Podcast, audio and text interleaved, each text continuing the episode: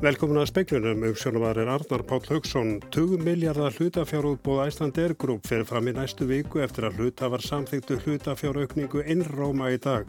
Fórstjóri félagsins segir alla átt að segja á tækifærum Æslandeir og mikilvægi þess fyrir Íslandst hakkerfi. Mikill samdráttur í losunu gróðrúsaloftöfunda þegar koronaviru faraldur reys hvað hæst breytur engum horfur í lostasmálum sangvæntnir í skýslu alþjóða veðurfræði stofnunarinnar. Norskur þingmaður hefur tilend Donald Trump til fríðarveluna Nobels fyrir þátt hans í að koma á sáttum millir stjórnvalda í Ísrael og saminuða arabísku fyrstadæmanum.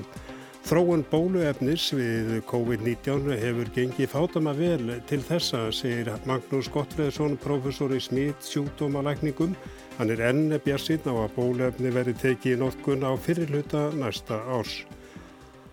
Hlutafélagi Æslandeir Group ykstum alltaf 23 miljardar króna í næstu viku tækist að selja nýja hluti í félaginu sem hlutafundur félagsins samþyktir sítegis. Bóji Nílsson Bóji Níls Bógarsson, fórstjóri, segir gott hljóð hafi verið í þeim fjárfæstum sem félagi hefur fundað með undarfarið. Hann segist það að ekki hafa átt vonu öðrum en að hlutafjaraukningin er því samþykt í dag. Við hérna, vorum bjassín á að hlutavarmundu samþykja tillögu stjórnar og hérna, það var neyðust að. Segir bóji Níls Bógarsson. Hlutafjárútbóðu hefst á miðugdagsmorgunni næsta og líkur síðdegist daginn eftir. Förstu daginn átjónda er stemt að því að kynna niðurstöðuna. Stjórnendur Æslandir hafað undanförnu kynnt útbóðið fyrir fjárfestum og ætla halda því áfram. Af tíu stæstu hlutöfum félagsins eru sex lífyrirsjóðir. Lífeyrissjóður Vestlunarmanna er stæsti hlutafinn með 12% og gildi og byrta eiga rúm 7% hvor lífeyrissjóður. Bóji Níls vonast til að sjóðurni takki þátt í útbóðinu. Við höfum verið að hitta þá meðal annars því að þeir eru náttúrulega mikilvægur aðil í fjárfesta umhverfin á Íslandi og, og þessum höfum við verið að hitta stærstu lífeyrissjóðuna í gegnum þetta ferli frá því í vor. Og, og gott hljóð í þeim? Minn í heilsinni hefur verið bara gott hljóð í, í gegnum þetta verkefni og hérna átt að sé allir á tækifærum þessa félags og mikilvægi félagsins fyrir hækkerfi. Íslandi er bara mikilvægur þáttur í innviðum landsins og við þurfum á því að halda svona kraftmikið félag verði tilbúið í, í viðspunduna þegar við stökkum á stað. Og áhættan er þó einhver? Það er alltaf áhætta í því að kaupa hlutafi og ekki síst á svona tímum eins og núna. Það er óvisa í heiminum en við höfum svona verið að reyna að stilla þetta af þannig og til þess að lámarka áhættuna en einhvers síður er alltaf áhætta í hlutabrið að kaupa. Sagði bói Níls Bóasson í vitalegi Þórtísi Arljósdóttur. Aðalmeðferð fóð fram í hérastómi Reykjavíkur í dag í skadabóta málum Samherja og Þorsteins Más Baldvinssonar gegn Sælabanka Íslands vegna Samherjamálsins svo kallaða. Lögmaður Samherja sagði í ræðu sinni fyrir dómi að Sælabankin hefði aldrei haft neitt raukstutan grunu meint brot félagsins þegar ráðist var í umfangsmeglar aðgerið gegn fyrirtækinu og þetta hefði verið veiðiferð af halvu bankans. Jóhannes Karl Sveinsson, lagmaður Sælabankans, vitnaði í húsleitarheimil sem Sælabankin hefði fengið árið 2012. Þar sem bankin saði það nöysilegt að rannsaka hversu umfánsmikið meint brot samherja væri. Þrjú atriði hefði verið til að rannsóknar, aðalatriði væri mál fyrirtæki sinns Köttlu Seafood sem Sælabankan hefði grunað að væri undir stjórn samherja. Það hefði selti sjáarafurður fyrir 55 miljardar króna sem ekki hefðu skilað sér til Íslands en ítalega fjallaði málið á rú.is. Styrkur gróðrúsaloftegunda í lofttjúp jarðar hefur aldrei verið meiri nú. Mikill samdráttur í losun gróðrúsaloftegunda segir að COVID faraldur reys hvað hæst hefur litlu breytt og losunin er nú að ná hæstu hæðum á nýja leik. Þetta kemur fram í nýri skýslu sem unnin var á vegum alþjóða veðurfræðistofnunarinnar. Haldur Björnsson, hópstjóri veðurs og lofslags á Veðurstof Íslands, segir að skamtíma breyting vegna hamfara ástands breyti litlu. Já, tíma, tímaböndin frestun á losun, hún hefur í sjálf og sér engan, engin sérstök áhrif. Það þarf að vera skipular aðgerði, við þurfum að fara í, í orkusskipti, það þarf að fara í ræktunur áttak, það þarf að fara í breytingar á bara mjög mörgum þáttum, yðnaðaferðlum og ymsu. Segir Haldur Björnsson.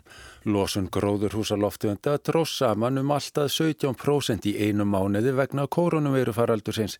Heilt yfir dregur sennilega úr losun um 4-7% í ár. Það breytir litlu ef losun heldur síðan áfram með fyrri hætti þegar áhrifa faraldursins hættir að gæta. Samkvæm skýslunni þarf að dragur losun gróðurhúsa lofttegunda um 3% á ári til 2030 ef ná á markmiðum Parísar samkominnlagsins um að halda hlínunjarðar innan tvekja gráða. Síðustu ár að þessu meðtöldu stefna í að vera þau heitustu frá upphafi mælinga. Haldur segir að mikið af þeirri tækni sem þarf til að ná markmiðunum sé nú þegar til. Uh, auðvitað er það þannig að fyrstu skrifin verða alltaf erðari og svo þegar maður eru komin í gang þá kannski finna er að það sem þið heldur er erfitt var hérna næstu skrifur auðvöldari. Saði Aldur Björnsson, Brynur Þór Guðmursson og tók saman. Donald Trump bandrækjafásiti hefur verið tilnefndur til fríðarveluna Nobels fyrir þátt hans í að koma á sáttumilli stjórnvalda í Ísrael og saminuðu arabísku fyrstadæmanum. Fásitin þakkaði heiðurinn á Twitter í dag. Það er Kristján Tjúpiring Jette, þingmaður norska framfaraflokksins sem tilnefnir Trump fyrir að þáttans í að koma á sögulegu samkómulagi milli Ísraels og samænuðu arabísku fyrstadæmana eins og það er orðað. Hann er jafnframt varaformaður utanríkis og varnarmála nefndar norska þingsins. Dýbring Jette segir í viðtali við AFP-fréttastofuna að hann vonist til þess að þetta samkómulag eigi eftir að verða til þess að önnur arabaríki stýi sama skref. Þannig verði komið á varanlegum friði í miðausturlöndum. Þetta er í annað sinn sem norski þingmaðurinn tilnefnir Trump til fríðarverðlunana. Fyrir tveimur árum vildu hann og annar norskur þingmaður og hann hlíti verðlunin fyrir tilraunir hans til að uh, fá norður kóriðumenn til að falla frá kjarnorku áætlun sinni. Það er runnu sem kunnugt er út í sandin. Norsku Nobel-nefndinni berast árlega hundruð tilnefninga til friðarverðlaunana. Þær þurfa að berast fyrir 31. janúar þannig að Donald Trump kemur ekki til greina fyrir árið 2021. Forsetin brást vel við tilnefningunni á Twitter í dag. Áskjör Tómasson saði frá. Verkefnið Loftbrú sem kynnt var í dag veitir afsláttar kjöra á flugfargjöldum til þeirra sem eiga lögheimila á landsbyðinni fjarrri höfuborgarsvæðinum. Undir Lóttbrú falla vestfyrðir hlut af Norðurlandi vestra, Norðurland eistra, Östurland, Hortnafjörður og Vestmanæjar. Svæði er afmarkað með tilliti til postnúmera. Alls ná afsláta kjöru Lóttbrúar til rúmlega 60.000 íbúa á þessum svæðum. Lóttbrú veitir 40% afslátt af heildarfargjaldi fyrir allar áallina leiðir innan lands til og frá höfuborgarsvæðinu. Fullur afsláttur er veittur hvort sem valið er að afsláta gjald eða fullt fargjald. Hver einstaklingur getur fengið lægri fargjöld fyrir alltaf þrjárferði til og frá Reykjavík á ári. Út þetta ári gilda afsláttu kjörin fyrir einaferð til og frá Reykjavík. Ekki verður full vetraþjónust á nýjum Dettifossvegi í vetur og því ekki hægt að aka demansringin allt árið. Fulltrúi ferðarþjónustunar segir að vetrarumferð ferðamanna sé sífælt að aukast og beinleis hættulegt ef ekki að móka vegin í vetur. Demansringurinn var opnaður um síðustu helgi en loka áfangi hans nýr Dettifossvegur er tilbúin. En það lítur ekki út fyrir öll þessi nýja ringlega verið opinn í vetur því ekki verður veitt fjármagnin til snjómókstus á Dettifossvegi. Já, til að byrja með þá erum við þetta ekki með fjármagn til þess að fara í þetta, ekki frekar en við vorum með bara á Þingvöll, Guldfoss og Geysi þegar við auglustum Ísland allt árið. Þá varum okkað eins og neða tvisar í viku. Smátt og smátt höfum við bara aukið þjónustuna eftir eftirspurn og það munum við auðvitað gera hér líka segir Sigurður Ingi Jóhansson samgöngur á þeirra. Arniður Jóhannsdóttir, frangvandastjóri markastofu Norðurlands, segir eftirspurnina þegar til staðar. Hér eru við með til dæmis Dettifoss sem er mestifoss Evrópu og það eru þetta galið að við getum ekki komið staðan um allt árið. Og vetrarumferð ferðamanna á eigin vegum um þetta svæði sé sífælt að aukast og við því þurfið að breyðast. Það er bara hættuleg stað að ætla mönnum það að fara hérna án þess að þessi vera að sinna veginn. En Sigurðu vill býða þar til ástandið ferðarþjónustunni færist í eðlilegra horf. Hæpið sé að það þurfi vetrarþjónustu á Dettifossvegi eins og staðan er nú. Ég held að það sé nokkuð augljóst svona ef við horfum til næstu mánada að um, það verður einfallega ekki þörfa því og það er gáleira forgansraða peningunum með öðrum hætti. Þetta var Sigur Ringi Jóhansson, Ágúst Ólarsson tók pistilinn saman.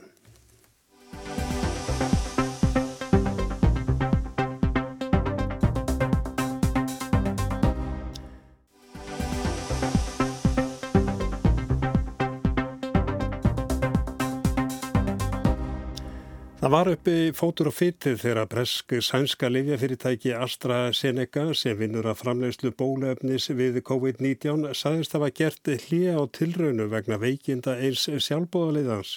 Miklar vonir hafa verið bundnar við þróun þessa bóluefnis. Magnús Gottfreðsson, professor í smittsjútumalækningum við Háskóli Íslands, segir ennsjó lítið vita um þessi veikindi sjálfbóðaliðans og hvort þau tengist bóluefninu til að meta hvort þau seti raunverulegt stryk í reikningin.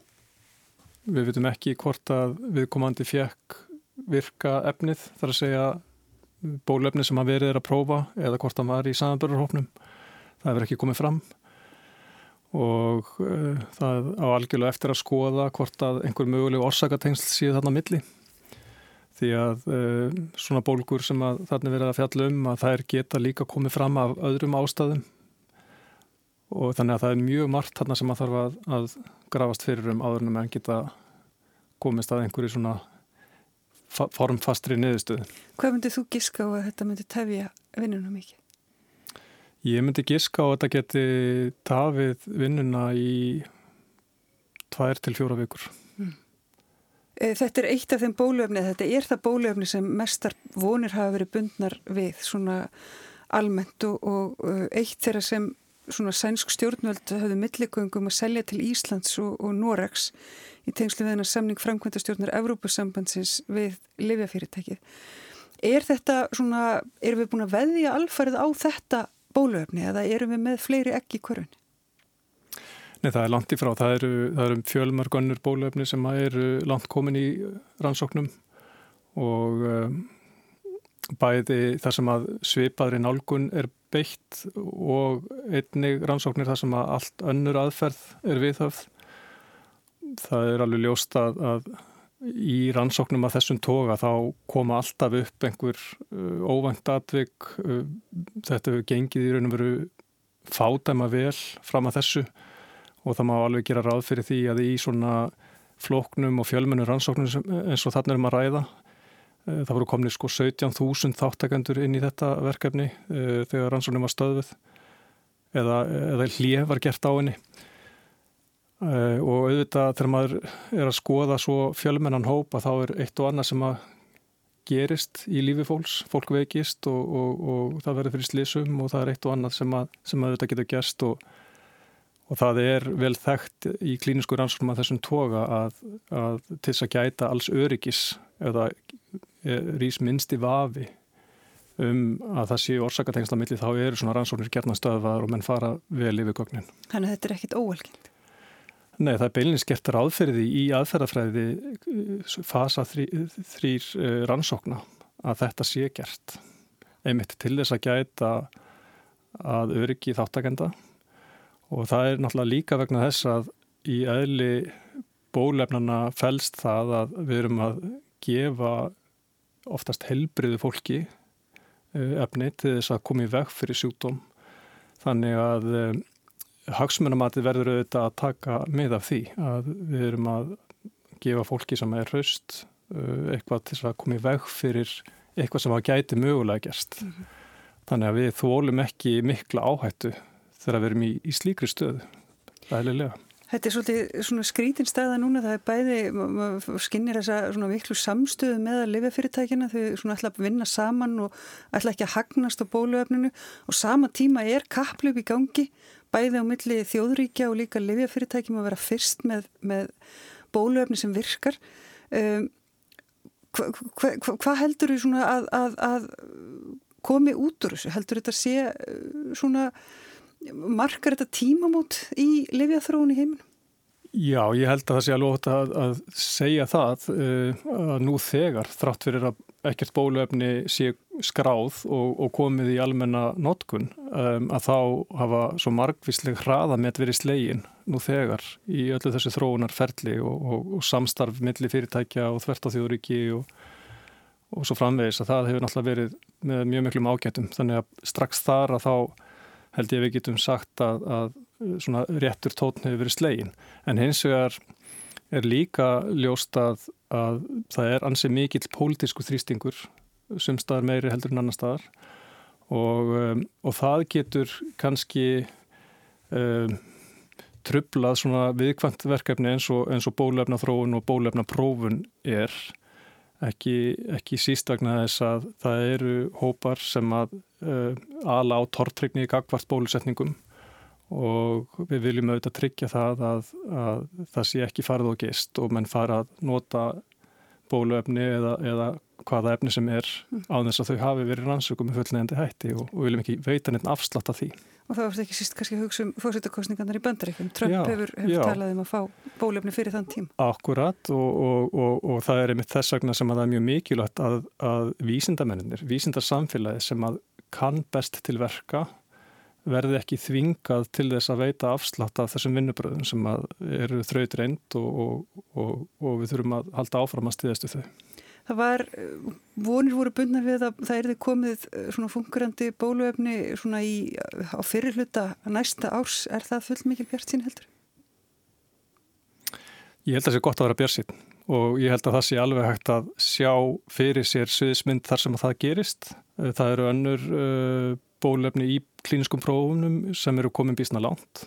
En það eru samt nokkra grindur eftir í þessu hlaupi og, og það þarf alltaf ganga upp til þess að það gerist ég held að ég geti bara svaraði þannig. Að lokum, uh, við bindum mjög mikla við vonur við þetta bólöfn og sjáum einhvern veginn fyrir okkur, við fáum aftur gamla heimin okkar bara um leið og bólöfnið kemur til landsins og kemur til hinna landana, þá getum við bara byrjað að ferðast aftur og, og hittast og, og kissast á kinn og allt þetta. Verður það þannig? Er þetta, eða, eða stöndum við bara frammi fyrir breyttum heim? Ég held að heiminum verði ekki eins, hann verður ekki samur.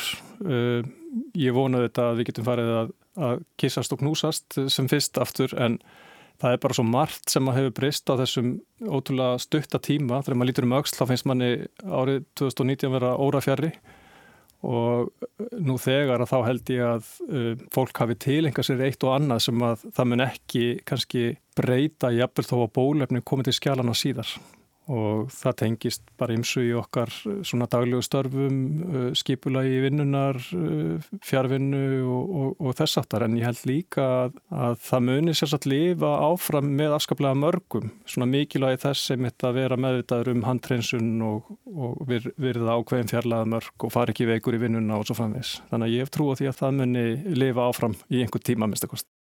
Segir Magnús Skottfriðsson, Sigriður Hagalin Björnstóttir, talaði við hann.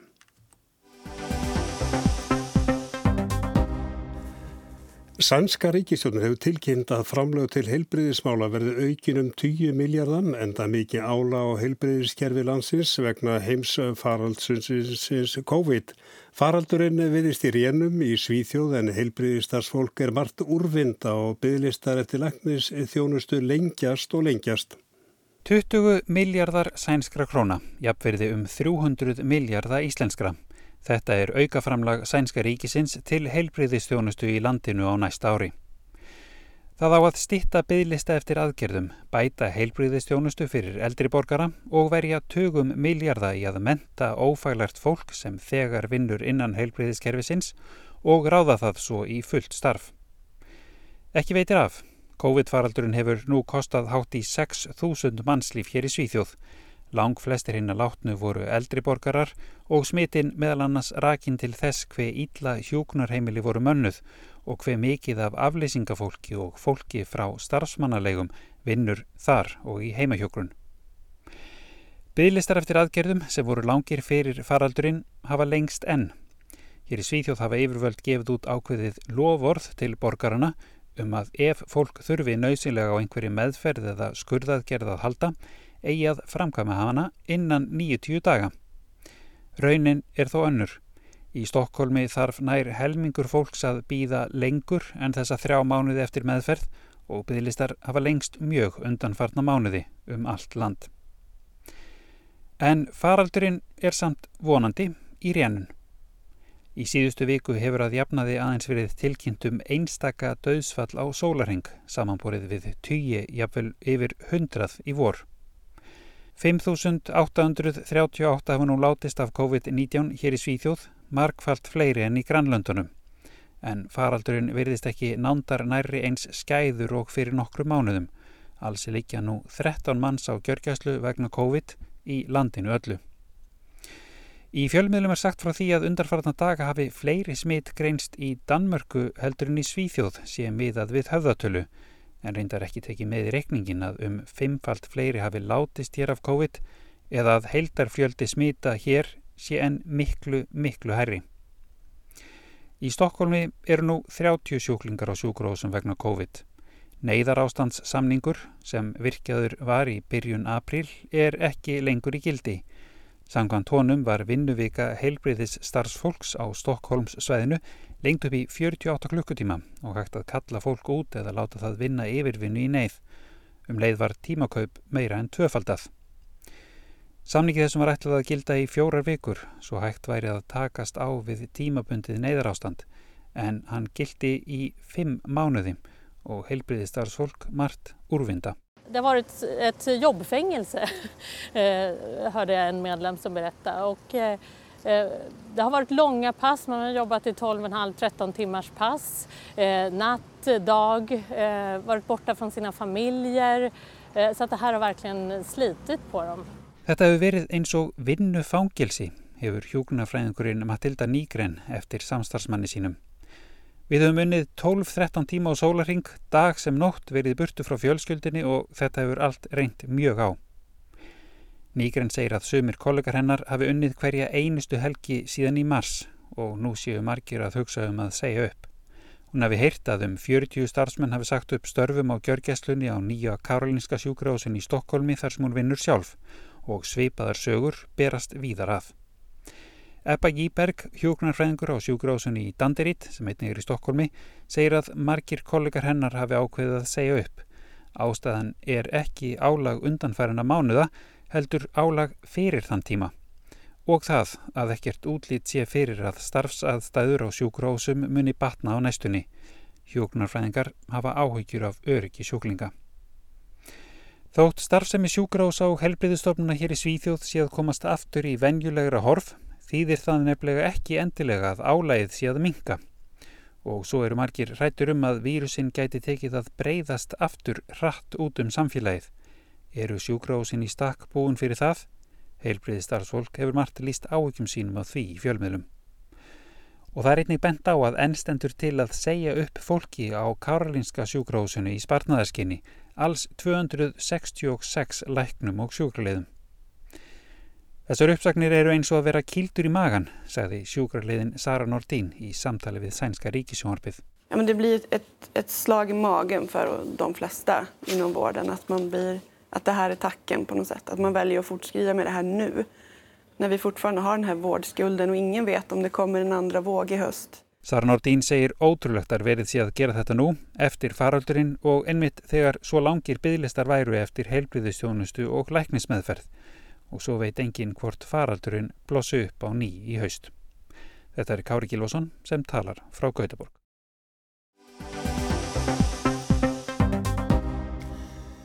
Til að ná loftslagsmarkmiðum Parísar samkómulagsins er áallega að tveira hverju þremur fólksbílum verið rafknúrir 2030 til þess þarf um 300 megavött. Sérfærangu segir ljósta að bæta verði við einhverju amblu og styrkja flutningskerfið Meðaleiðsla rafbíla hér á landi er um 20 kW fyrir hverja ekna 100 km. Á Íslandi höfum við einstaktt tækifæri til að skipta yfir í reyna orkugjafa sem framleitir eru hér á landi og vera þannig sjálfsbær. Grípum þetta tækifæri. Einstaklingar... Fjalla var um orkuskiptin á ársfundi samorku í gær og spurtu hvað þurfi til. Rannsóknir sína til að ná markmiðum Parísar sankomulagsins 2030 þurfi 300 megavött vegna orkurskiptana. Búrfellsvirkjun er 270 megavött. Áallega er að 2030 verið tveira hverjum þremu bílum á gödunni knúnir áfram með rámagnir. Það svarið til um 145.000 rafbíla.